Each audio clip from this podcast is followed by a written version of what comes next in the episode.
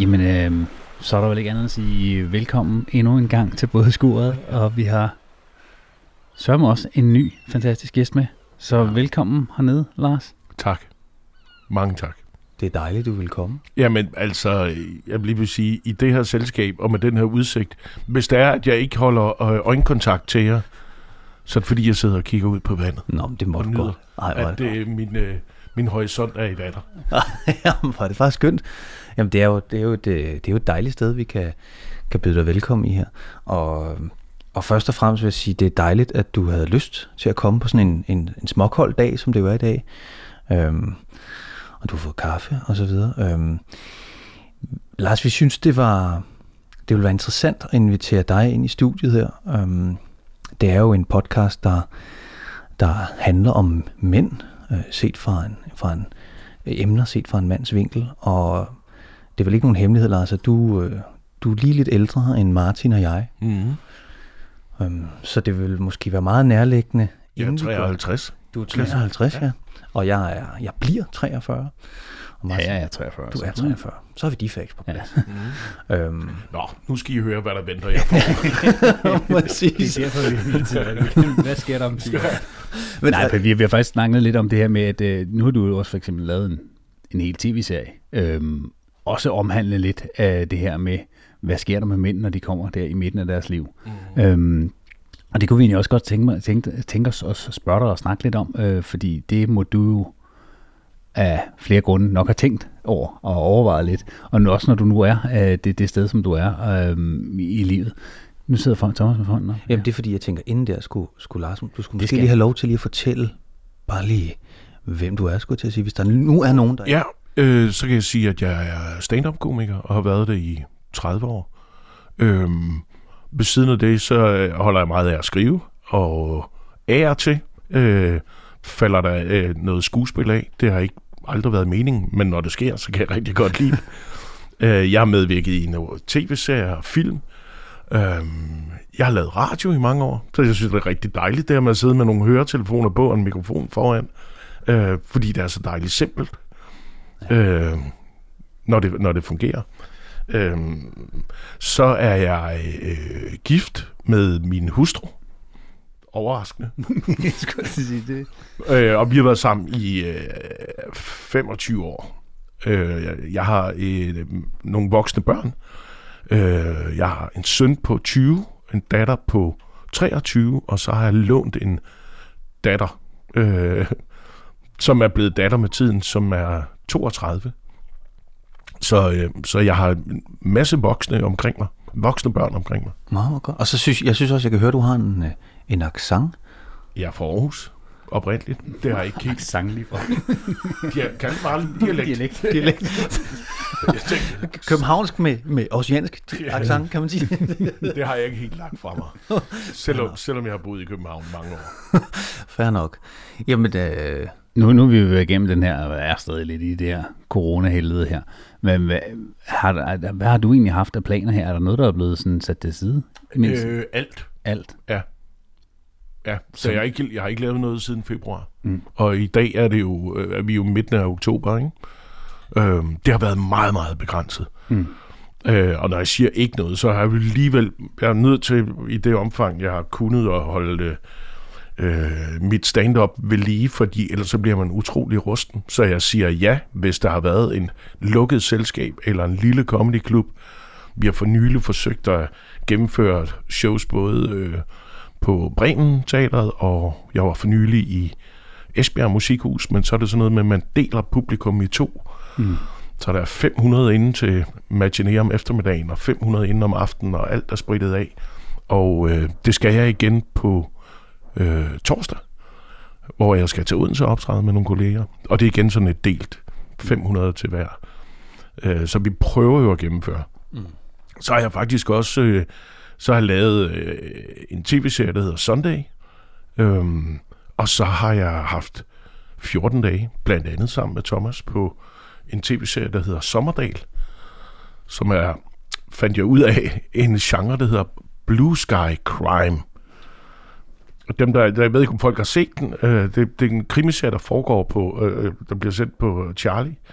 og det er blue sky crime, og det dækker over, at, at det er kriminelt, men det er, vejret er også godt. Mm. Øh, så det er, det, det, det er ikke sådan helt farligt, fordi det er faktisk også rigtig hyggeligt. Mm. Øh, ja. Så der havde, der havde jeg 14 dage, oh. og blandet et par dage sammen ja. Med, Thomas siger nu. Det er rigtigt, ja. det var så hyggeligt. Det glæder mig til at se. Ja, der var, der var vi meget kriminelle, ja, var. begge to. Ikke? Ja, det var faktisk. Det var faktisk. Og, jeg, og vi siger ikke, øh, altså jeg spiller mormistænkt højskoleforstander. Mm. Og ja. Thomas spiller højskolelærer. Ja. Og jeg vil sige, der er motiver, der peger i begges retning. Ja. Men jeg, jeg, jeg røber ikke noget. Det er spændende.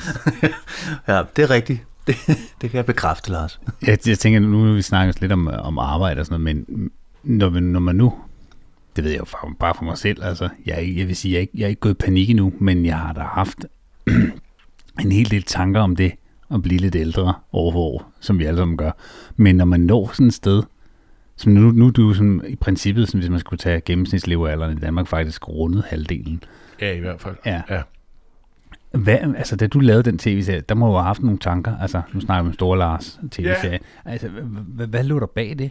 Jamen, det, det var faktisk et langt tilløb, fordi jeg lavede, øh, kan man sige, som optakt, eller hvad der viser at blive en optakt. Jeg lavede, øh, sidste år turnerede jeg med et, et øh, stand-up show, der hed Plan B, og der var jeg, beskæftiget jeg mig allerede med øh, det der med at stå midt i livet, og jeg alder og forfald, og træde ind i nye faser af tilværelsen. Og det prøvede jeg at hive nogle af de temaer over i i Store Lars. Øh, og så vil jeg sige, det blev ekstra forstærket under coronaen, er jo, når jeg ikke... De første, jeg vil sige, de første par uger tænker det er sgu nogenlunde ligesom det plejer. Jeg står op, jeg skriver bedst om morgenen, jeg tager på mit kontor øh, på Christianshavn, så sidder der indtil klokken et, to stykker, så sker der sgu ikke rigtig mere. Så, så der var ikke den store forandring der, men det der med ikke at kunne komme ud og optræde, eller ud og lave øh, film eller tv-serie, det satte jo nogle tanker i gang i forhold til, hvis jeg ikke er ham, der, der kører til Kolding og optræder, hvem er jeg så? Og, fordi det har jo været, det har været mit liv i 30 år at turnere rundt. Øhm, og der har jeg, det har krævet rigtig mange lange gåture, blandt andet lige her, hvor vi øh, sidder nu i øh, Sydhavnen. Øhm, fordi det var, at det handler for mig ikke så meget om, det er ikke et spørgsmål om at genopfinde sig selv nødvendigvis, men det er mere at finde en plads i det og navigere i det, og så også for mit vedkommende at ture være i det, fordi der går i panik. Mm. Altså. Er det angsten for ikke at have noget at lave? Altså, ja. Fordi jeg sidder og tænker på det der med, det har jeg da selv med, at man identificerer sig på en eller anden måde, uanset om hvor meget man vil det eller ej, med sit arbejde og det, man laver, ikke? Ja. Altså, hvad, hvad, er, det, er det det, der har været den største hurdle for dig? Altså? Ja, det er det helt klart. Mm. Det er det helt klart. At finde ud af, hvad fylder jeg i øh, tilværelsen, når jeg ikke har mm. den arbejdsmæssige undskyldning til, som jeg også har fundet ud af i et eller andet omfang jo, for mit vedkommende også har været et langt flugtforsøg jo. Altså, øh, så jeg har, jeg har jo været der, hvor I er med en masse små børn, og det var da, det var da rigtig fint at, at kunne bruge det som undskyldning, at nu skal jeg altså på turné, eller nu skal jeg altså lave en uh, serie på Fyn, eller i Nordjylland, eller et eller andet. Det var, det var noget af det også et flugtforsøg. Øhm. Hvorfor tror du, hvorfor, undskyld, hvorfor tror du, hvorfor tror du, vi mænd er sådan? Jamen, det, jeg, jeg læste for nylig en undersøgelse, at, at når, når et par er ude og se på et nyt hus, så er øh, kælderen meget afgørende for, for manden fordi han går ned, det er som noget af det første, han er pisse glad med belæggenhed, udsigt og alt muligt. Han går i kælderen, for, og andre synes, om det der irriterer, når der lugter lidt af, af, af muk. Men de fleste mænd ser muligheder. I kælder, det er en, det er et potentiale, der åbner sig. Hvad kan jeg bruge den her til? Hvor kan jeg gemme mig? Er der et sted, jeg kan lukke? Kan jeg lave, kan jeg lave et podcaststudie nede i kælderen? Kan jeg reparere noget? Så siger noget, som jeg lige har været igennem. Fuldstændig. Har du købt et hus? Nej, men jeg, vi har været meget, meget tæt på. Altså, jeg har i hvert fald været på udsigt af et hus, hvor jeg hele tiden sådan, er, er, der, er der kælderetage? Og er, ud? og, og er den isoleret? Fordi jeg laver jo også podcast ud af det her. Jeg laver tre andre, hvor jeg sådan, kan man lave et lille studie sådan noget? Fordi det, det, det er vigtigt. Altså. Og har den egen indgang, den kælder. Så er der også en mulighed for noget Og køleskab måske. Ja. Præcis. Altså, så det er det der med, det er jo ret interessant, jeg tror, det gælder for mange øh, mænd, mig selv inklusive, det der med, at, at der er sådan en fase i livet, hvor man skraber sammen af børn og koner og ting og sager, og så sidder man midt i det og tænker, for helvede, jeg vil da egentlig, hvem, men hvordan er jeg havnet i det her projekt? Jeg vil da egentlig helst bare sidde nede i kælderen. Jamen, det er rigtigt. Og, det, og det, er jo, det er jo frygteligt at indrømme, men jeg tror faktisk, det, det gælder. Det er jo derfor, der er jo... Det ved jeg sgu ikke. Mit se, sidste sådan frirum, det har været bilen, ikke? Nå. Hvor jeg kan høre det musik, jeg vil, og, og så sidder jeg i timevis og kører. Jeg kører lige en tur, skal Og, og folk har tænkt, det er da en forbandelse at skulle ligge og køre 40.000 km om året. Jeg tænkte, nej, det er dejligt. Det, det kan jeg da godt lide. Det er jo også, det er jo også der, man så har, har sin lille oase af fred. Ikke? Altså, man kan slå tingene fra, og alt det støj, der er udenom. Ikke? For jeg tænker, altså top 3 er jo toilettet. Altså, den er også i top Ja. 3, ikke? Ja, Altså, Men det er bare, det er bare meget begrænset, hvor, hvor, hvor lang tid man kan tillade sig at sidde derude, uden det bliver... ja påfaldende. Ja, på, Ja. det er rigtigt. så skal man også have en mavesygdom. Eller det er rigtigt, eller virkelig være i gang med at rense toilettet. Det er selvfølgelig rigtigt. Men altså, den, den er der stadigvæk, tænker jeg. Men når når du nu siger sådan det her med, at øhm, øhm, man går og tænker over arbejdet, kommer du også automatisk til at tænke lidt tilbage på, hvad man egentlig har, hvad du har brugt dit liv på? Ja. Ja, det har det helt klart. Altså, fordi der er jo... Øh, jeg kan godt blive... Jeg holder meget af at arbejde. Men man kan også godt blive en l- mm, lille smule fartblind, og er i det. Øh, og jeg skulle, det må jeg blankt indrømme, der er faser og perioder i mit liv, hvor jeg tænker, det har jeg sgu, øh, der siger jeg bare pænt ja, når nogen ringer, fordi jeg bliver så begejstret. Jeg tænker, hold da kæft, det skal jeg da være med på, det der, eller ja, for fanden, det skal jeg da prøve, eller et eller andet. Øhm, og den begejstring, den er, det er jo en, en, øh, en, energi af helvede til, men det er jo også en forbandelse. Øh, fordi så nogle gange så havner man jo i projekter og tænker, det skulle jeg da, hvorfor fanden har jeg brugt halvt år af mit liv på det her, ikke? Øh, men jeg synes den overvejende, og det er en, en ting, det har jeg lært mig i hvert fald under den her corona. Jeg har, været, jeg har været, ikke været særlig god til at, øh, at fejre succeserne, fordi jeg er ofte videre, eller man er ikke i gang med det ene projekt, mens man forbereder sig til det næste, og tænker, du ved, et halvt år ud, hvad skal, fanden skal der ske? Hvor kunne vi lave det næste sommer, eller et eller andet? Øh, og det har sgu været meget sundt. Jeg tror ikke bare for mig, jeg tror sgu for hele samfundet var sgu meget sundt, at lige blev stukket en kæp i hjulet øh, et par måneder, og, tempoet blev trukket ud af ting, og mm.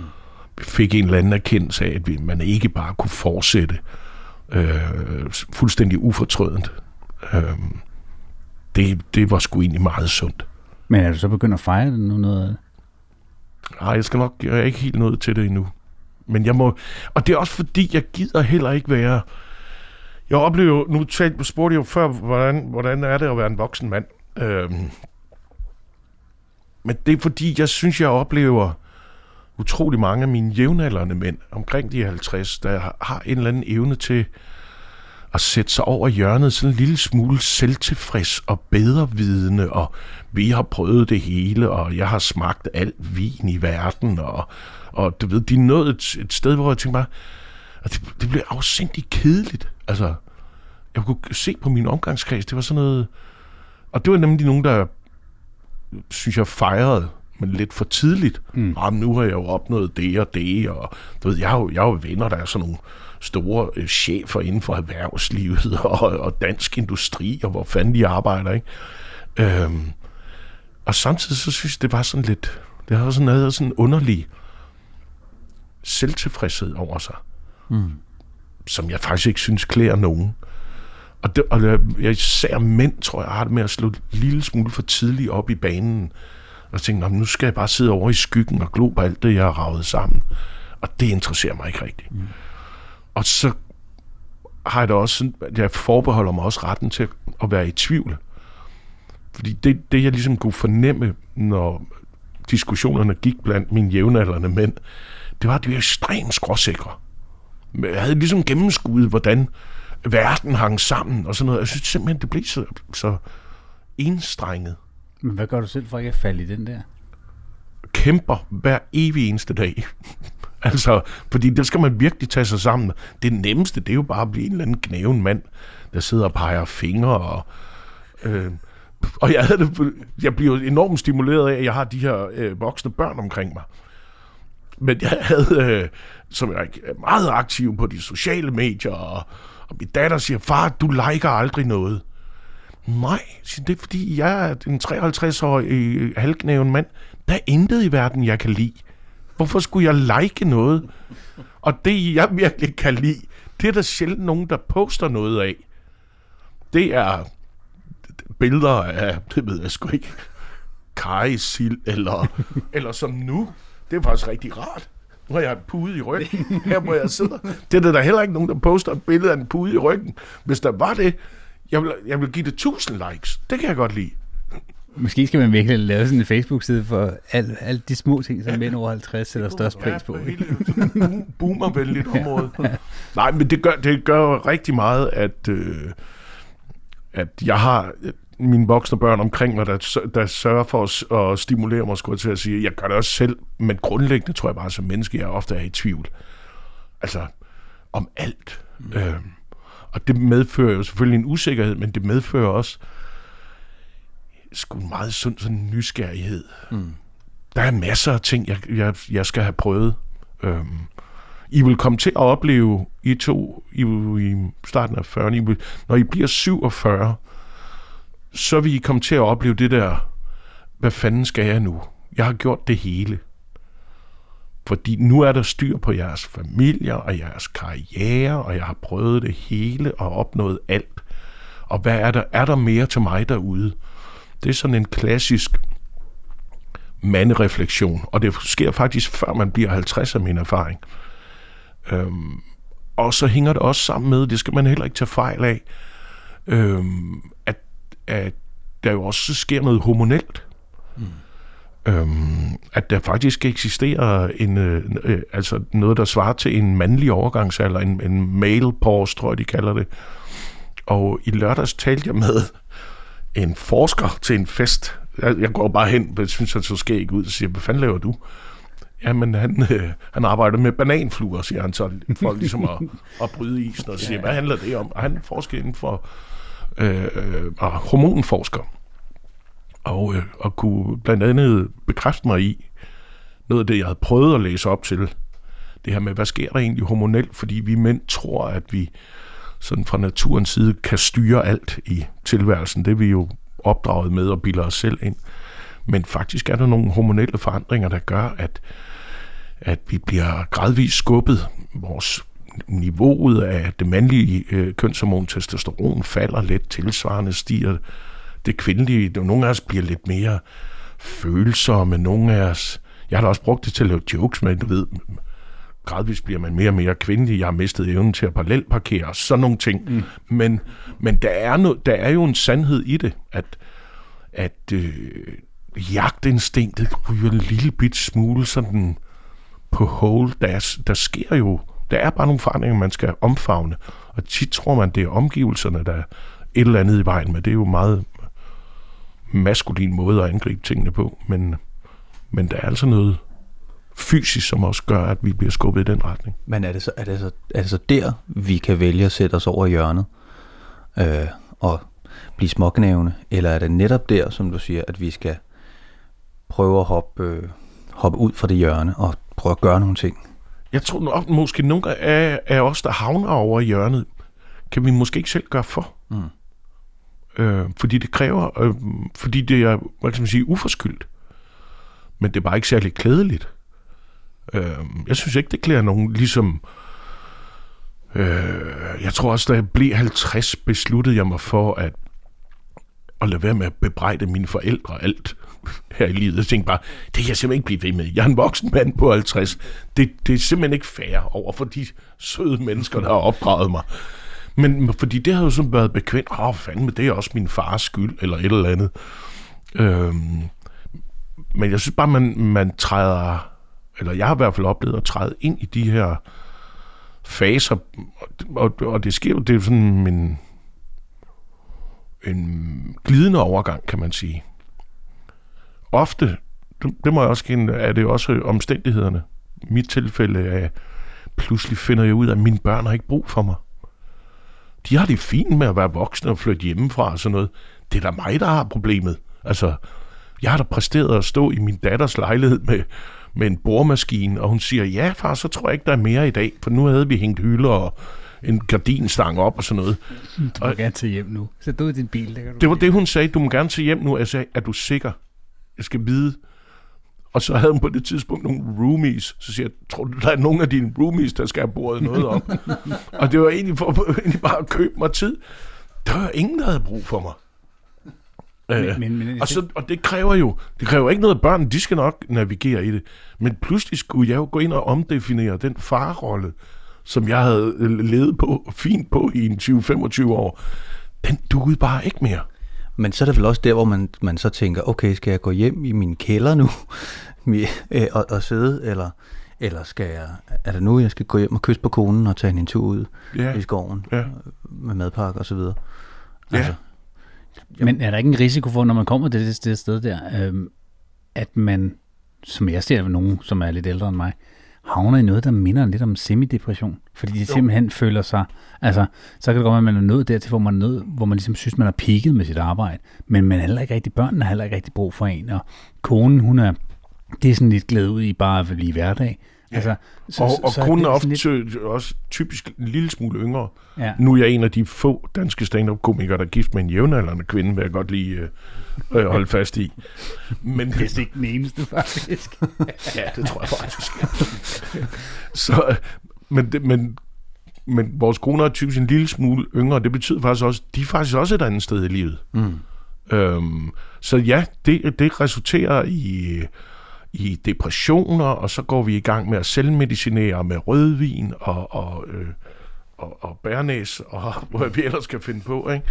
Eller helt, helt syge ting, vi mener, vi skal fylde i tilværelsen, altså øh, vinterbadning, eller hvad fanden så, så, så, så, skal jeg have, så skal jeg have en havkajak lige ja, pludselig, og sådan ja. noget. Ikke? Men hvordan holder man sig ude af det der? Er, er det, det, nu snakker vi lige om det der med, at man køber ting, eller drukner sig i alt muligt, men hvis, altså, der må være nogle andre sundere alternativer til det. Hvad, hvad, tænk, hvad, hvad, hvad, du tænker, hvad har du gjort? Øh, jeg har gjort det, vi er i gang med lige nu. Mm. Jeg har simpelthen talt om det. I det øjeblik, man siger det højt, bliver man også opmærksom på det. Jeg, jeg har ikke øh, haft følt sådan haft behov for at øh, der er jo nogle af de mænd, der er havnet i den, som jo så ofte får hvad kan man sige, stifter en ny familie. Fordi man, ligesom, man synes, man har opnået det hele her. Godt, nu skal jeg have en yngre kone, som meget gerne vil have børn. Øh, og så er vi mænd altså ikke ret meget mere opfindsomme, end at vi gentager egentlig bare det mønster, vi havde for 25 år eller 20 år siden. Ikke? Så okay, nu starter vi op igen. Øhm, fordi vi kan ikke rigtig finde på noget. Vi har ikke øh, evnerne, der rækker ud over det. Men jeg tror, det der med at kunne øh, at vide, hvad, hvad der foregår, og, og ikke forsøge, hvilket er jo det mest øh, klassiske maskuline træk, ikke forsøge at spille med musklerne i den situation. Mm. For det får man ikke noget ud af. Mm. Jeg sad, da jeg var 47, og tænkte, hvad, jeg, jeg har lavet alt. Hvad, hvad, hvad skal jeg? Skal jeg lave en film mere? Skal jeg lave et radioprogram mere? Skal jeg lave en tv-serie? Skal jeg på turné næste år? Nej, det var sidste år. Nå, hvad fanden skulle jeg lave? Hmm. Det er fandme interessant. Og så prøvede jeg at skifte fokus fra, i stedet for at jeg skulle ud og erobre noget, hvilket er, er, er det klassiske mønster hos mange mænd, så tænkte jeg, hvad hvis jeg forfiner det, jeg er i gang i? Er i gang med allerede? Øh, og så lå der jo noget ny energi i det, ikke? Mm. Altså, vi har også en saying som skuespiller, det der med, at man bliver aldrig rigtig færdig med at være skuespiller. Man kan, man kan jo altid lære noget. Mm. Og det, det, det synes jeg, der et eller andet sted burde være en del af det, også bare at være mand. Mm. Altså, nu er det, jo ikke, det er jo ikke, fordi der er en stor forskel, men, men stadig det der med, at man aldrig rigtig helt bliver færdig med at undersøge det, hvis man sætter sig ned, som du selv siger, og så prøver at tænke, man kan godt tænke lidt forfra og sige, okay, det jeg har lavet, kunne man, kunne man undersøge det lidt nærmere, for mange gange så siger du, så, så kører man jo også i overhalingsbanen, det går pisse stærkt, mm. og så man når ikke rigtig nogen, nogle ting, når simpelthen ikke er bundfældelser. Og hvis man piller lidt i det, så kunne det faktisk være, at man kunne få flere aspekter i det, man allerede synes er fantastisk. Om det er så at lave film eller podcast, eller mm. gå på et arbejde, hvor man er revisor, eller hvad det kunne være. Altså, der, der er jo, jeg tror, der er ting at finde i det, hvis man nogle gange, som vi nu også er blevet tvunget til med coronaen, at trække i håndbremsen og stå helt stille og lige se sig omkring. Eller begynde at blande blod med nogle andre. Der kan også komme noget sådan, blive rusket op i nogle rutiner. Mm. Fordi vi jo ofte har, så det er jo helt naturligt, man søger det trygge. Eller i jeres tilfælde, hvis I siger, okay, I er faktisk uddannet, som jeg tror, er ikke sammen pilot, har nogle af dem, der er dyreste uddannet i Danmark. Jo, så er vi ikke øhm, eller sådan. og så siger okay, hvis I er uddannet i at, at fortælle historier, som I er som skuespillere, øhm, hvordan kan det ellers komme til udtryk? For I kommer ikke til at stå på en scene forløbig. Det er der ikke. Eller hvis det er, er det under nogle ja, andre betingelser. Forhold, ja. hmm. Så alle, alle, alle de store produktioner af film og tv er skudt, så det kommer I heller ikke til forløb.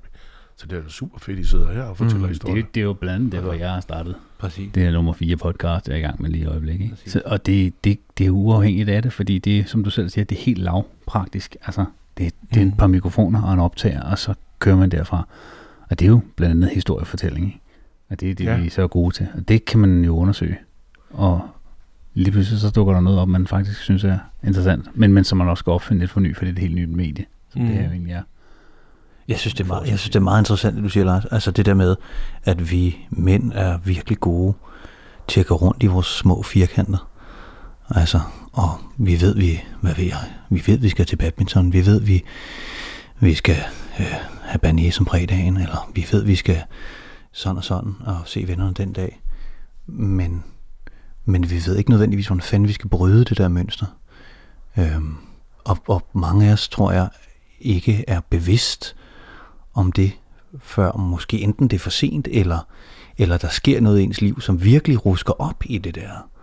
Øhm, om det er en corona, eller om det er, hvad ved jeg, dødsfald i den nære familie, eller skilsmisse, eller hvad fanden. Altså, det, det, det synes jeg skulle er meget interessant. Altså, hvad ja. det er, der gør, at vi mænd øh, sidder lidt fast måske, og så bliver desperate ja. på et tidspunkt. Ja, det, det, det, det. Har du oplevet nogle af dine, altså både venner eller kollegaer, altså, hvor du har set det udefra? Altså, kom i samme, hvad hedder det, situation, som du også var, altså begynder så virkelig tænke over det, når man rammer de 47, og så komme til dig og snakke om det? Øh, ja, det har jeg. Jeg, jeg siger, inden for, inden for dansk øh, stand-up er jeg jo øh, den ældste, tilhører jeg jo den ældste generation. Og det vil også sige, det er også lidt, påviler også lidt øh, vores generation at definere, hvad der ellers har været forbundet med en ungdomskultur, eller i hvert fald var det, da vi startede.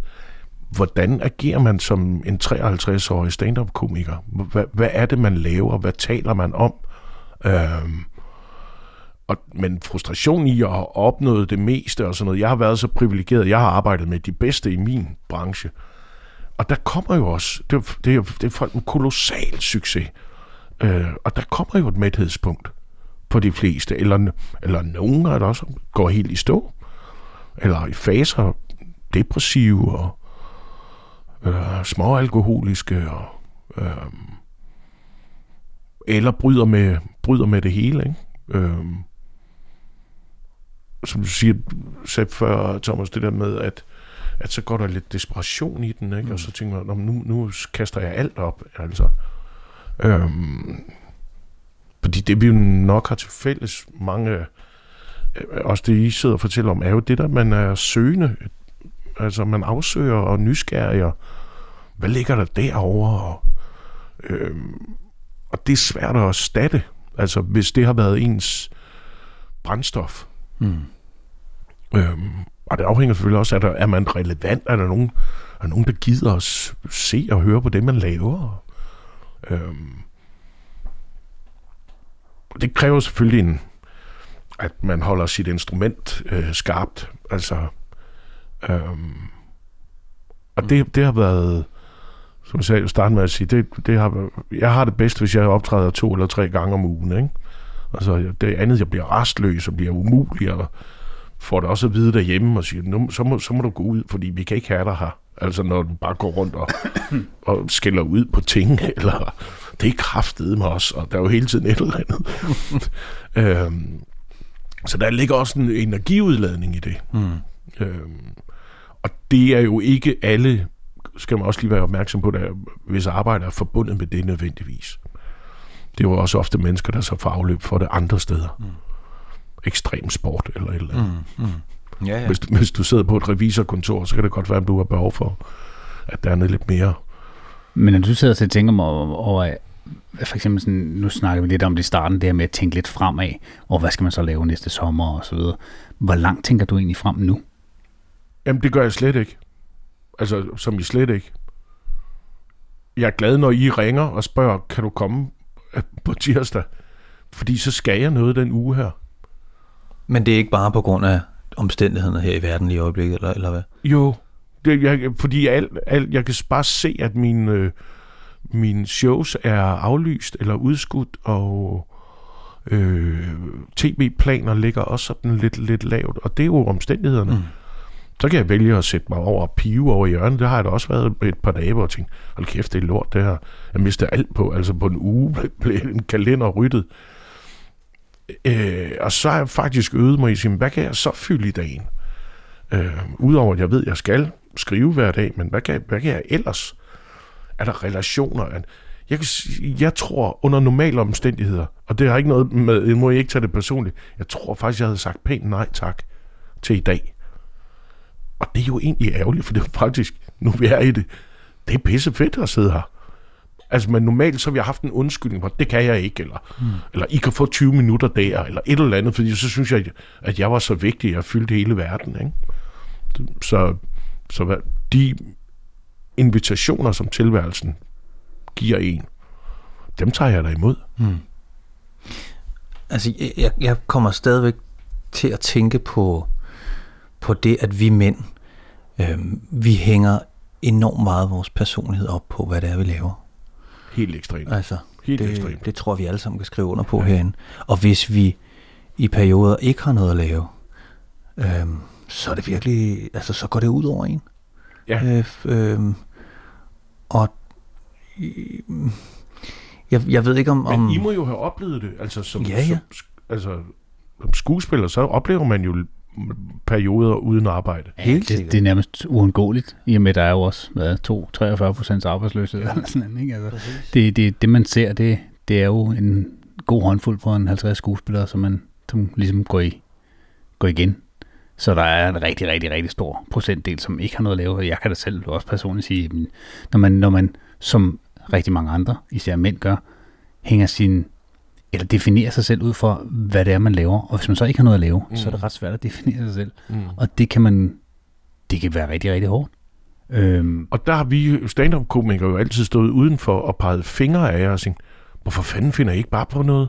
Hvis I to altså arbejdsløs samtidig, så må I skulle kan I ikke lave en lille forestilling, eller kan I ikke sætte noget op, eller altså den der entreprenante tilgang mm, til mm, det, ikke? Mm. Men det, undskyld, det har ikke noget med identitet nej, nej. nej, men det, det er rigtigt nok, fordi det, det, er jo, det, er jo, det er jo sådan en helt anden snak, men det er ikke noget, vi skal måske komme så meget ind på her, men, men, men det, er, det er jo også det, som de her kunstneriske uddannelser ikke altid har haft et stort fokus på, i hvert fald ikke da vi gik i skole. Mm. Der var det mere sådan, nå jamen, når du kommer ud, så, så er alt fedt. Hvor man sådan tænker, ja, ja, men det finder man så ud af efter en 4-5 år. Okay, der, der, det kunne være fedt at have haft et, et kursus i, hvordan man laver sit eget firma. Ikke? Altså, ja. der, der tror jeg et eller andet sted, ikke fordi I har haft det nemmere, men det, at man er helt indgangen til stand-up comedy, er meget mere, det her, det skal jeg selv bygge op på en eller anden måde. Man er, man er sin egen herre. Det, det har man jo slet ikke som skuespiller, fordi du hele tiden er en del af en større proces, øh, så, så, så, så du bliver ligesom inviteret ind. Det er ikke, du kan selvfølgelig, det er jo ikke sådan at sige, at man ikke kan øh, som skuespiller starte noget selv, men det er bare ikke det, man bliver flasket op med. Nej. Altså der, er, der er begyndt at komme noget her. Helt klart, altså, men jeg nu snakker også, fordi vi, det er jo 15 år siden, vi gik ud af skolen, ikke? så det, det, det var en anden tid dengang. Ikke? Nå jo, jo jo. Men jeg synes bare, det er interessant. Men det er interessant det med, med at du siger, at, det, at vi nok i højere grad end kvinder måske, nu gætter jeg bare, hænger vores identitet op Men det er også interessant, hvad vi svarer, hvis nogen kommer og siger, Nå, hvad laver du? Mm. Man har jo egentlig muligheden for at svare rigtig meget. Præcis. Men man hakker altid til på sin profession, ja. fordi det er det, man tænker, folk er interesseret i, mm. eller der, man kan stive sig selv af, eller man kan hæve sig over for nogle andre handdyr, ikke? Øhm. Nu laver nu for at blive det her med stand-up, altså, det er jo meget humoren. Altså, hvordan synes du, det har været, altså, hele det her omkring, for nu ved man jo, hvis man læser lidt aviser, at stand-up er lige så meget i knæ, som resten af kulturen er. Mm. Øhm, fordi du, som du selv siger, det er jo halve sale, og nogle gange så bliver man nødt til at spille to gange på en dag, bare for at få det samme publikum ind, som man ellers ville have gjort. Hvad, hvad, hvad tænker du? Fordi det er det, jeg frygter lidt, at den her med, at humoren, den er lidt blevet sat på sidelinjen, fordi at corona, det er så alvorligt. Hvordan, altså, hvordan tænker du i forhold til, kan man få humoren ind i det her? Kan, man, kan, kan humoren bruges som en eller anden form for redskab til, at man kommer igennem sådan en krise, som det er igennem? Ja, det tror jeg, fordi det var, et eller andet sted har det jo altid været humoren eller komikkens opgave at lette trykket. Og øh, uden, uden sammenligning i øvrigt, men det kunne man jo øh, se under 2. verdenskrig også, og andre kriser, ikke? at der, øh, der er det en nødvendighed. Og jeg tror også, at det står, nu skal jeg ikke sidde og definere øh, samtlige øh, stand-up-komikers jobbeskrivelse, men for mig står det lidt i min jobbeskrivelse. Det er min opgave at kommentere tiden, øh, punktere hyggeleriet, pege fingre af uretfærdighederne og og, øh, og, og den dumhed, vi omgiver os med, eller hvorfor vi alle sammen opfører os på den og den måde. Øh, ikke fordi jeg har nogen svar, men ligesom alt muligt andet pjat og gøjl, så handler det om at i hvert fald, at folk får øjnene op for det, og stille nogle spørgsmålstegn ved, at det er, det er ikke rigtigt, den der måde, vi agerer på, og hvorfor gør vi det, og har I også lagt mærke til at, og så på den måde, jeg er med på, at folk dør af det her, og det er en, en, en, en pandemi, øh, vanvittigt øh, omsaggribende, men, men det skal jo ikke afholde en fra at tale om det. Altså, man kan ikke, man kan ikke som komiker pålægge sig selvcensur, fordi lige pludselig så bliver det så bliver ens opgave udvandet og lidt ligegyldig. Altså, vi er ikke sat i verden for at vedligeholde mm. et verdenssyn. Øhm, så bliver det lidt, øh, øh, hvad hedder det, skønmaleri og hjort ved Skovsø og øh, fanden, svigermor jokes, eller hvad fanden det kan være, ikke? Altså, øh, og det interesserer mig ikke. Så jeg tror, jeg tror vi har en, en øh, vigtig opgave, hvis bare folk måtte komme, komme ind og høre det. øh, og jeg fornemmer også de få gange, jeg har været ude, at, at øh, danskerne har jo også været isoleret. De er meget begejstrede. Jeg skal huske, da, vi, da i Esbjerg Musikhus optræde for et par uger siden, og man tænker, åh, det er sådan klokken 16.30 publikum en lørdag eftermiddag. Hvem fanden gider det, ikke? Og så kommer man jo ind, og de var ved at flå stedet fra hinanden, hvor man kunne se, der var ligesom en opsparet energi hos det der publikum. Jeg tænkte, ah, det er dejligt i klapper, men så sjovt var det heller ikke, altså. øhm, så det, det fornemmer jeg, at, at øh, der synes jeg, jeg har en meget fin opgave. Jeg synes, det er en meget fin øh, øh, jobbeskrivelse, jeg har. Mm. Det var meget sjovt, Martin. Vi, du og jeg, vi talte øh, på vej herover i, i bådskur, så snakkede vi blandt andet om, om øh, Charlie Hebdo, og vi talte om, hvad skal man sige, jeg ved godt, det er en lidt anden øh, indgangsvinkel, men det, det er jo meget interessant øhm, i forhold til, hvad det er, humor kan. Og der er det måske, det er måske en af de øhm, hæftigere eksempel, hvad der både det kan, men hvad der også der kan ske. Har, har du gjort dig nogle tanker omkring det, Lars? Altså, hvad, det må røre på en eller anden måde. Jeg ved godt, det ikke er en parallel, men det er måske sådan jo, lidt fedt at kusine ting, ikke? Ja, man kan sige, at Mohammed-tegninger blev lavet som, som en karikatur, ikke? Altså, det var jo et humoristisk middel på en eller anden måde, ikke? Ja. Så det, var, det startede jo som en joke, eller et joke, det var det ikke, men en, en, en form for humor, ikke? Ja, det var det, som er satirens opgave, kan man sige, ikke? Øh, jeg har diskuteret det med kolleger, og da det deler sig sådan lidt, men, men det, der er det vigtigste argument for mit vedkommende, det er, at vi kan ikke begynde at sige og fortige ting, som komiker kan du jo ikke sige, det vil jeg ikke tale om. Eller man kan ikke lave sjov med pædofili og kræft. Det kan du da sagtens lave sjov med. Det afhænger da om vinkelen på det. Eller du kan ikke gå ud og sige noget om corona, fordi der er folk, der dør af det. Eller du må ikke forholde dig til MeToo, fordi det der er faktisk, det er faktisk gået voldsomt ud over nogle kvinder, der er ofre i det her. Derfor kan vi ikke, vi kan ikke altså, jeg, jeg kan ikke som komiker fise rundt og lade som om, at tingene ikke er der. Vi er nødt til at, at sige det højt. Mm. Øhm, og så er der nogle gange nogle, nogle losinger forbundet med det. Jeg har da selv været der. Øhm, og dem må man tage, fordi det følger med opgaven. Øhm, det følger med, hvad fanden var det, du sagde for ansvaret? Mm-hmm. Følger, eller at man har et, et talerør og et publikum, og, øhm, men man har også ansvar, hvordan man taler om det. Mm. Ansvar for, hvordan man taler om det. Øhm, så i min, min optik er der ikke noget, man skal forbigå. Det dur ikke. Det er, det er ikke, jeg vil lige vil sige, kunstens opgave. Det er i hvert fald ikke komikkens opgave. Men der er vel også noget, Lars, tænker jeg, som er altså, øh, at stikke hånden øh, mere ind i vipsæderne end andre. Altså, og nu nævner du selv MeToo. Altså, vi sidder tre mand her omkring bordet, øh, hvide, ciskønnede mænd i mm-hmm. 40'erne og 50'erne. Altså, vi er jo øh, øh, den primære gruppe øh, af krænker.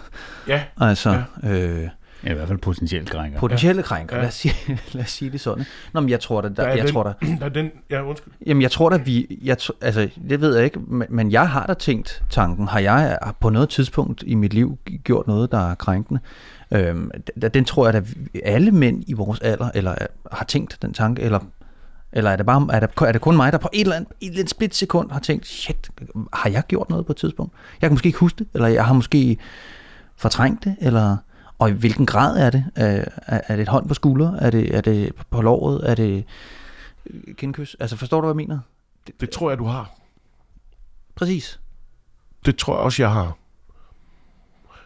Der et springende punkt her er, at så vidt jeg ved, kender vi ikke så godt hinanden, Thomas, men mm. så vidt jeg ved, kan jeg ikke huske, at du har været i en magtposition. At du har været direktør for noget, eller instruktør for nogen, der, hvor du har bragt dig selv i en magtposition, som du kunne udnytte, eller andre var underlagt. Mm, det har jeg ikke. Så, så, så hvad du har gjort af upassende ting, øh, har formentlig været forbundet med en akavet flørt.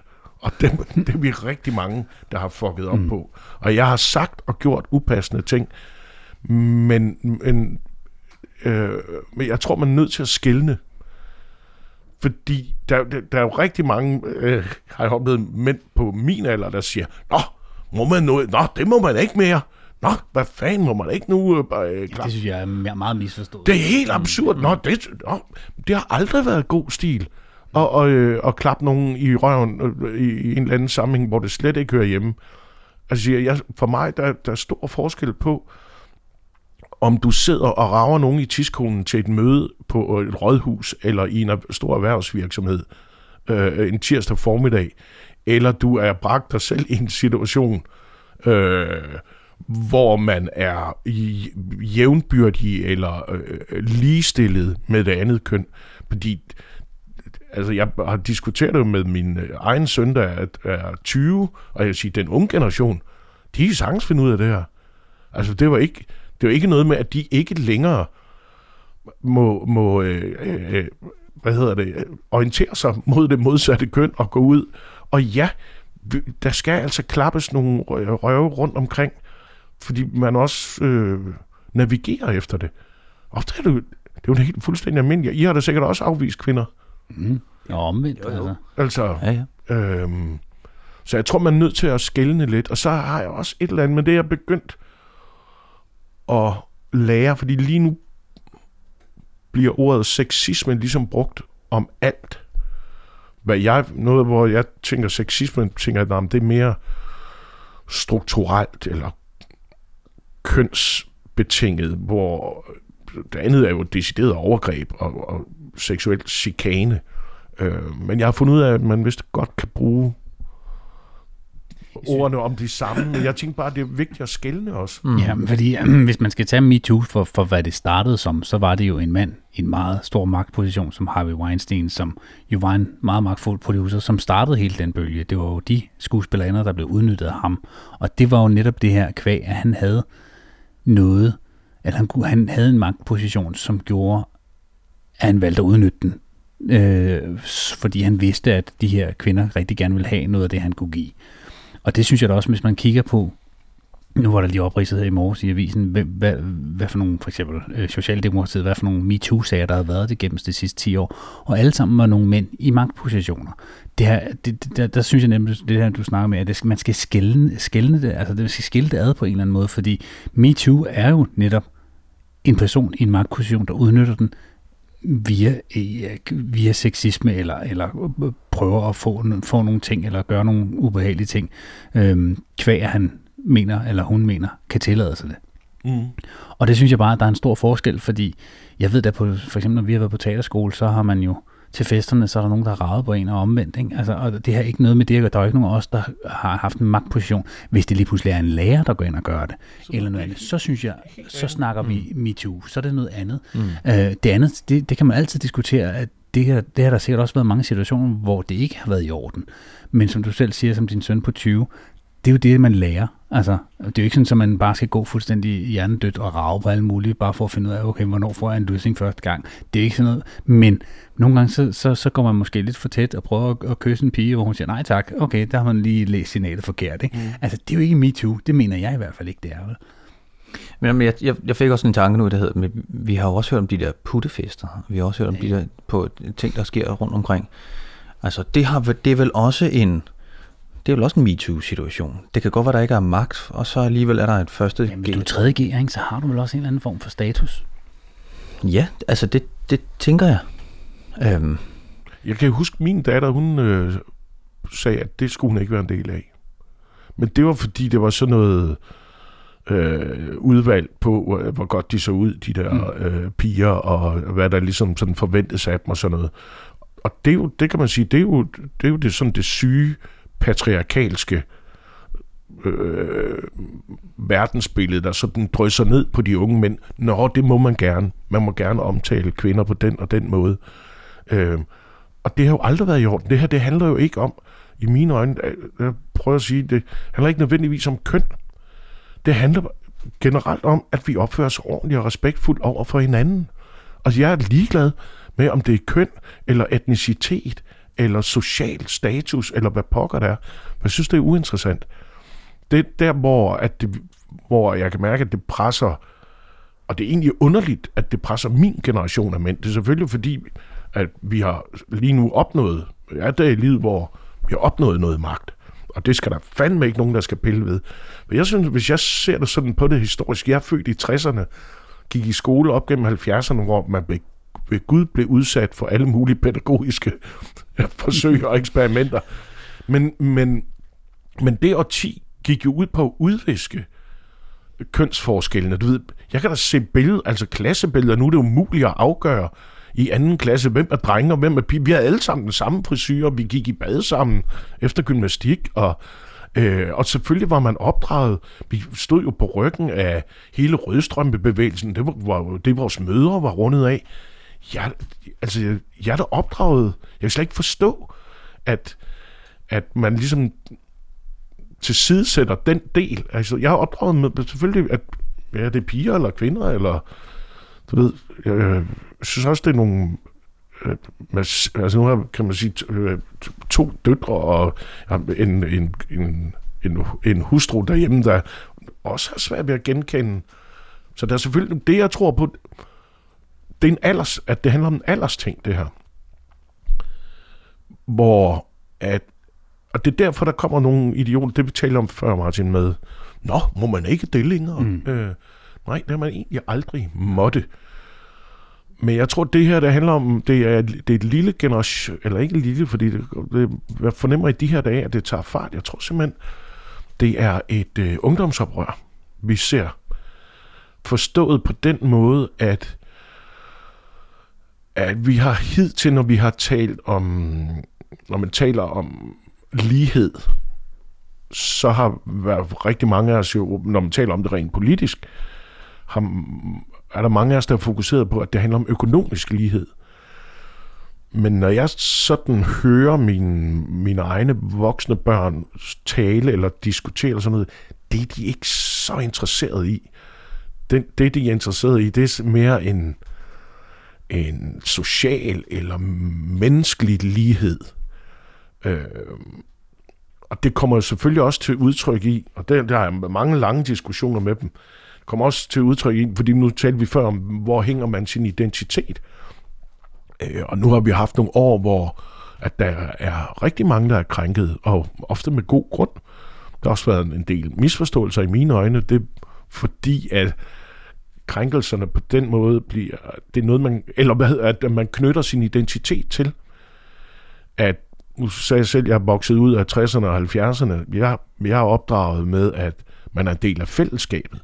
Men det er, og det er der, man hænger sin identitet, hvor jeg oplever nu, at i hvert fald dem mellem 20 og 30 har kolossalt behov for at søge deres egen identitet, men det bliver meget individuelt knyttet op på seksualitet, eller øh, hudfarve, eller etnicitet, eller hvad det nu måtte være. Det er det, det, de forbinder sig med.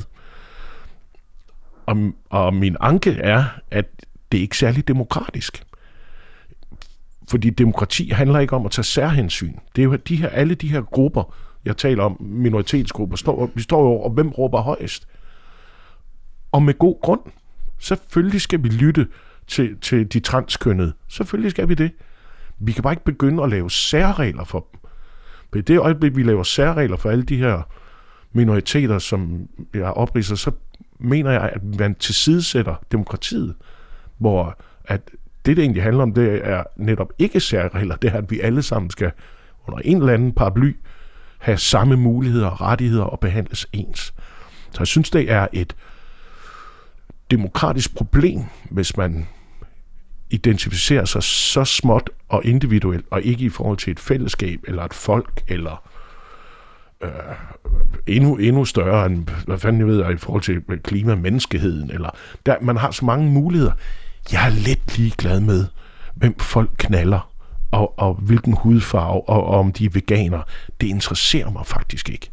Det må, jeg, jeg er pikke ligeglad. Kan man ikke sige, at hvis, hvis man virkelig skal have noget ud af alt det her MeToo, som det er nu, så skal det også, altså skal man ikke lave, lave specielle særregler øh, omkring mm, bare lige, hvad man som i en magtposition må gøre, og hvad man ikke kan tillade sig. Men man faktisk, som du selv siger, tager et spadestik dybere og siger, jamen, prøv at høre, alt det her med, at du sidder og rager din kollega på låret til en julefrokost, selvom I er fuldstændig lige, og I begge to er sekretærer, så det er heller ikke i orden. Så det ligesom bliver en helt stor, som du siger, en princippet, måske det er så meget sagt, men en kulturrevolution at sige, prøv at høre, det der ikke har været i orden, det der ikke er i orden nu, det har aldrig været i orden. Så det bliver mere, at man simpelthen siger, prøv at, hvis, hvis vi kunne bare kunne lære helt generelt over hele fladen, om du er i en magtposition eller ej, og opføre sig pænt og anstændigt over for andre mennesker. Jeg tror, det, altså mine øjne, det er ikke, ikke for at forflade i debatten overhovedet, mm. for jeg synes, det, det er, den er vigtig, og, og, øh, og, og hvad kan man sige, min sympati ligger jo i, især hos dem, det er gået ud over. Øh, eller kun hos dem, det er gået ud over. Men, men jeg tror, man kan sammenligne det lidt med... Øh, for 10 år siden, der var der, det, var, det var i orden, man ligesom øh, røg cigaretter alle steder. Øh, eller der var også en gang, hvor bilerne ikke havde sikkerhedsseler. Jeg kan da huske ture kraftet ned til Gardasøen, hvor min bror og jeg fløj rundt om på bagsædet af den der Ford Capri, fordi der var ikke, der var ikke sikkerhedsseler, da de kom. Det har i hvert fald ikke noget med sikkerhed at gøre. Det var noget med min, så synes min mor, der var bedre styr på os. Ikke? Men ret hurtigt finder man ud af, det er en god idé med sikkerhedsseler. Det er også en god idé ikke at sidde og ryge hinanden direkte op i hovedet, eller hvor der er børn til stede, eller, eller hvor vi er fælles om noget. Prøv at lade være med det fordi det går ud over andre. Ligesom øh, øh MeToo, øh, eller overgreb, det går ud over andre mennesker. Lad være med det. Og så må vi jo, det tog jo, hvad, 5-10 år at ændre sådan rygekulturen og I kan godt høre, at jeg skal snart ud af en smøg. men, men før der har vi siddet, vi tre, og så har vi siddet og røget en pakke cigaretter, mm. mens vi har siddet og talt. Mm. I en lille bitte, hvad er der her, 10 kvadratmeter. Ja. Det havde været fuldstændig naturligt.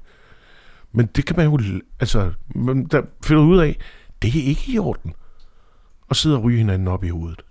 Altså, det gør vi ikke. Ligesom man ikke sidder og rager på hinanden i arbejdsmæssig sammenhæng, eller hvis du er i en magtposition. Så går du hjem, når klokken 21.30, hvis du er direktøren. Men hvor lang tid tror du, nu startede det her i 17, hele det MeToo? Tror du, der skal gå syv år mere før det? Ja, det, altså, den, der, den, den generation nu, der er bannerfører, dem de der er i de tidlige 20'ere, ikke? De, de rykker afsted nu, de finder sig ikke en skid.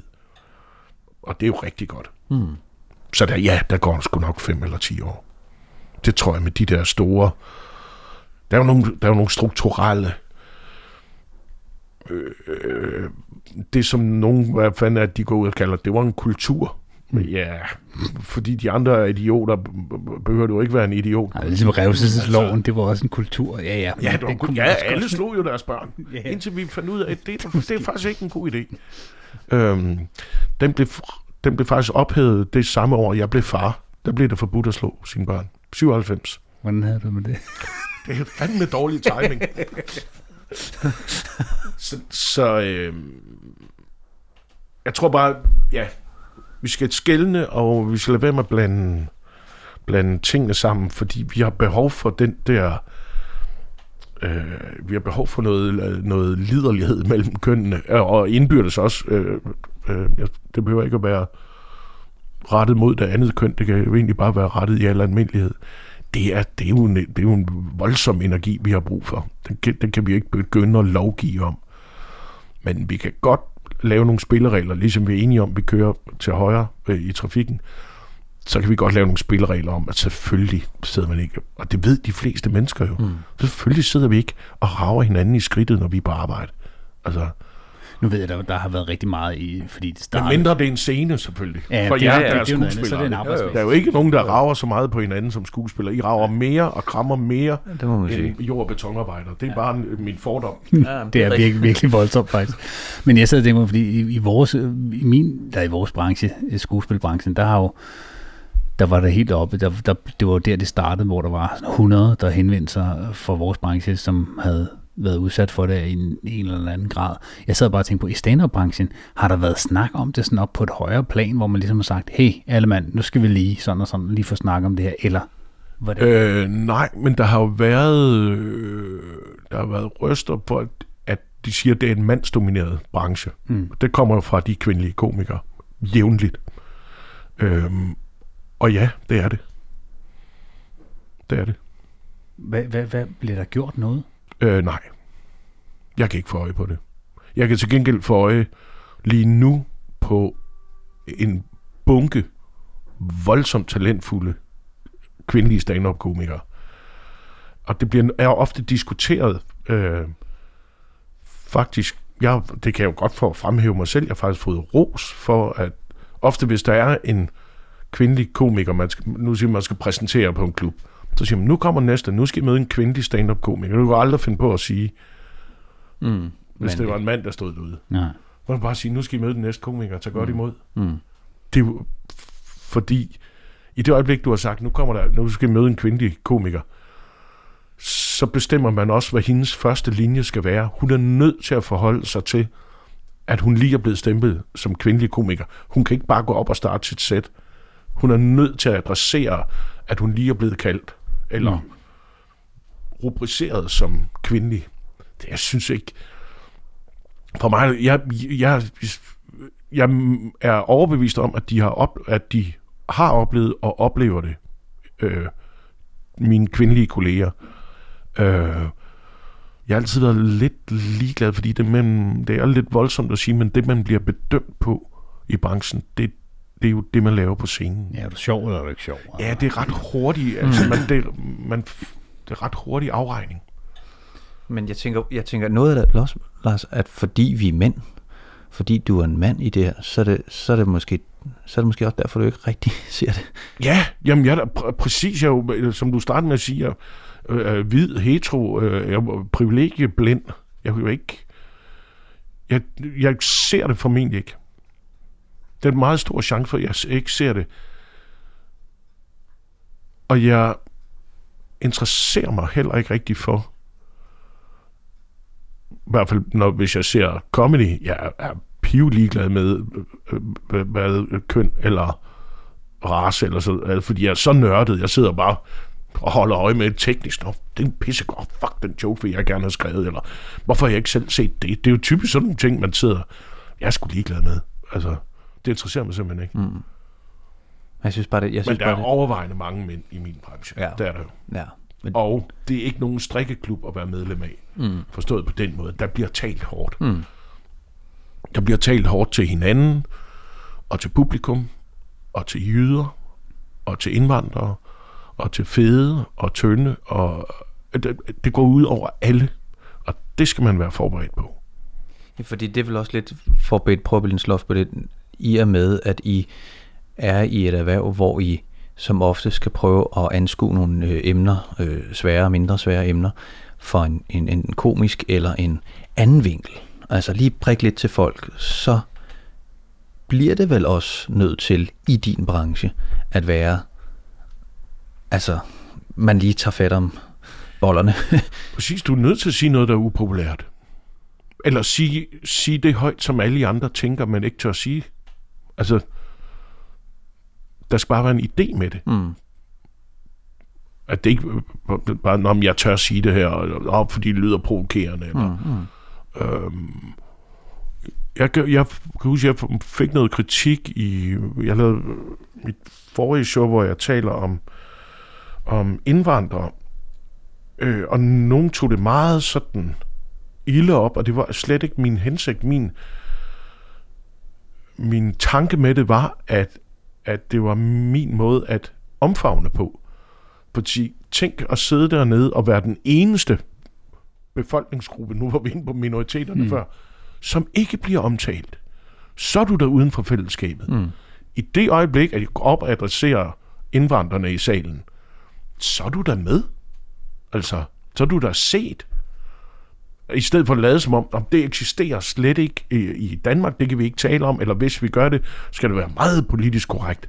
For jeg kender jo godt tonen, men, altså, vi går i tætten, men det gør jeg også over for alle mulige andre.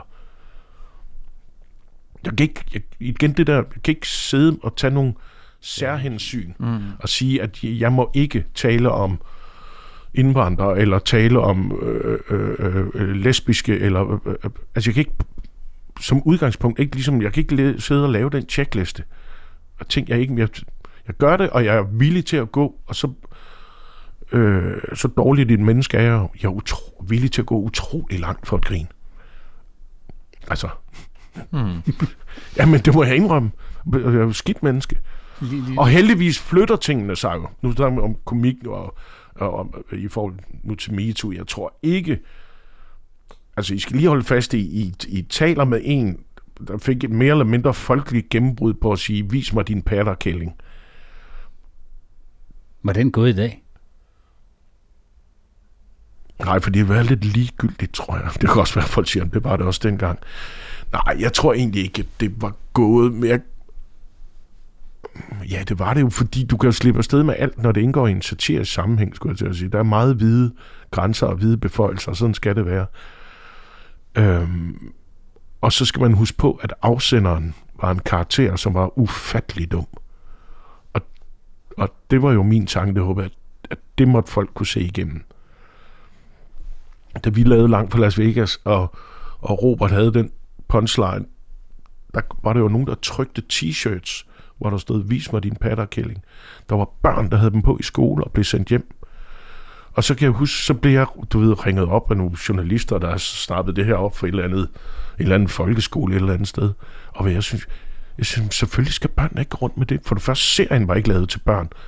Og selvfølgelig skal man ikke. Det er en total idiot, der afsender for at gå rundt og sige, vis mig din patterkælling. Selvfølgelig skal børn ikke gå rundt med det. Det er da enormt stødende. Det er da noget andet, hvis det er, hvis det er sat ind i en sammenhæng og fungerer her i et fiktivt univers. Det kan du da ikke gå rundt med. Så det forsvarede jeg på ingen måde. Der, er- der er nok nogle forældre, der lige har lukket øjnene, inden barnet gik i skole. Eller? Det kan du godt regne med. Altså, og Eller det, de kunne have givet lidt royalties til mig for de t-shirts. Jeg skulle også sige, det ikke engang. Sådan løsning er. Vi skal faktisk til at runde af. ja, Men øh, hvad hedder det? Hvad, nu, nu siger du, du skal i gang med, eller ja, du er i gang med sådan nogle små show. Er det noget nyt? Den Skrevet. Hele tiden. lige- Jeg skifter lige nu, så skifter jeg sådan 10-15 minutter ud. Prøver hele tiden noget nyt, bare for at holde mig til, fordi ellers jeg bliver simpelthen for rusten, hvis jeg bare går rundt og ikke prøver tingene af. Øhm, ja, kan vi finde, høre min, med, mine sidste noter? Ja, kom med dem. Ja, endelig. Det er næsten en premiere, så. Men det er ikke noget, der er udkommet endnu. De er slet ikke skrevet endnu. Det er bare for, I, for, nu for, I, det er bare for at invitere jer ind i processen. Ja, fedt. Øh, jo, jo, det vi snakkede om tidligere, det der med, at jeg aldrig liker noget, det tror jeg godt kan blive til noget på scenen. Mm. Det tror jeg faktisk er okay. Du må gerne skrive den ned, hvis det er. Det skal jeg lige huske. Ja, så kan vi sende op til. Det er meget interessant. Så er der noget af det, nu har vi snakket om, hvor utroligt plat og dumt det kan blive, men jeg kan jo ikke, øh, øh, jeg kan jo ikke slippe det. Nå jo, øh, jeg har skrevet noget med, at folk, at banjo, en banjo lyder af helvede til, derfor spiller de meget hurtigt, når de spiller banjo.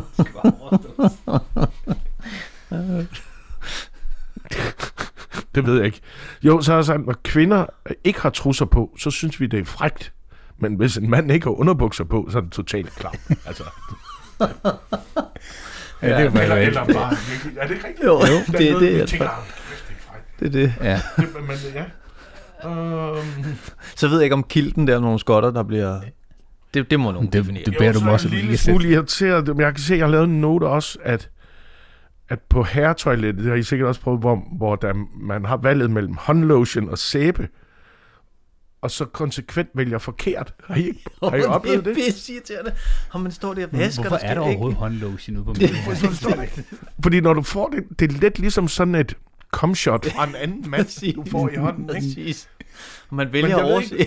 Men, Jeg har, aldrig, jeg har aldrig mødt en mand, der har sat pris på, at der holder Nej, men det er også det, jeg siger, hvorfor fanden det er jo fejlplaceret. Det skal slet ikke være det. Altså, så heller to gange sæbe. En, en for hver side. Ja, eller så sæt det sådan på vej, altså ved døren på vej ud, så man ved, okay, det er ikke over ved hånden, det er på vej. Jamen, sjældent har der været så meget hygiejne på herretoiletter, efter der kom sprit derud. Jo. Nej, hvor sindssygt. Og det har sin fordel, helt klart. De er faktisk, jeg Ja. så, så et sted, hvor de faktisk... Du skulle stikke hånden ind under de der med sensorer på, for at overhovedet kunne komme ud af døren igen. Så det fik du automatisk sprit. Ja, så så sådan, det er Men nu taler vi om det der med, hvad, hvad der skal til for at ændre kultur. Det er da sådan en ting, det kan vi da godt holde fast i. Det der med at vaske hænder, det giver da mening i forhold det er til jo total fællesskabet. adfærdsregulering, det der. Ja, gør det. Ja. At det har vi mænd virkelig gavnet af. jeg det er jo sindssygt. Vi har aldrig været så Ren. afsplittet. Men det er da en god idé, og vi fandt jo også ud af, at dem der, børnene i skolerne var jo enormt hurtige til det, og, Mm. og daginstitutioner, de fandt jo hurtigt ud af, om det er det nye, eller hold øje med hinanden, hey Oliver, du har ikke vasket fingre, og Mm. altså, de er enormt Det kan være, det også skal indføres på sådan nogle af de der arbejdspladser, hvor der er nogen, der sidder i nogle, hvad hedder det, autoritære stillinger, simpelthen. For nu af, så optager man bare julefrokosten. Det hele bliver optaget. så er der sgu nok ikke nogen, der siger så meget, eller gør så meget. generelt, det ligger en dæmper. det vil det gøre på mig i hvert fald. Nå, men Martin, jeg, jeg ved ikke, om, øh, om vi kan trække den meget tror øh, jeg, længe. kan, jeg, ved, ja. jeg ved, at... Øh, Jeg synes, det har været en fornøjelse. ja, det har det. Du Det har har det virkelig også. Så, delt ud af dine 10 års ekstra erfaring, du har mere end os. Så Jamen, jeg sidder og overvejer, om der er et eller andet, jeg har glemt at fortælle, men det må I, I må selv, I må selv få grund i det. Ja, så må vi sgu selv ud af Der er ikke, noget, på der er ikke noget hjælp at hente her. Ja. og ellers må vi møde- mødes om 10 år. Jeg begynder at blive lidt mere bange for at blive 47, men nu ved jeg i hvert fald, hvad der kan ske. Men det, venter lige rundt om hjørnet. Sørg for at advare folk omkring jer. ja, Det vi gør. det, det vil vi Især vores koner og kærester og sådan noget. Men øh, så er der jo ikke meget andet end at sige tak for den her gang, og øh, forhåbentlig så vil I lytte med igen i næste uge.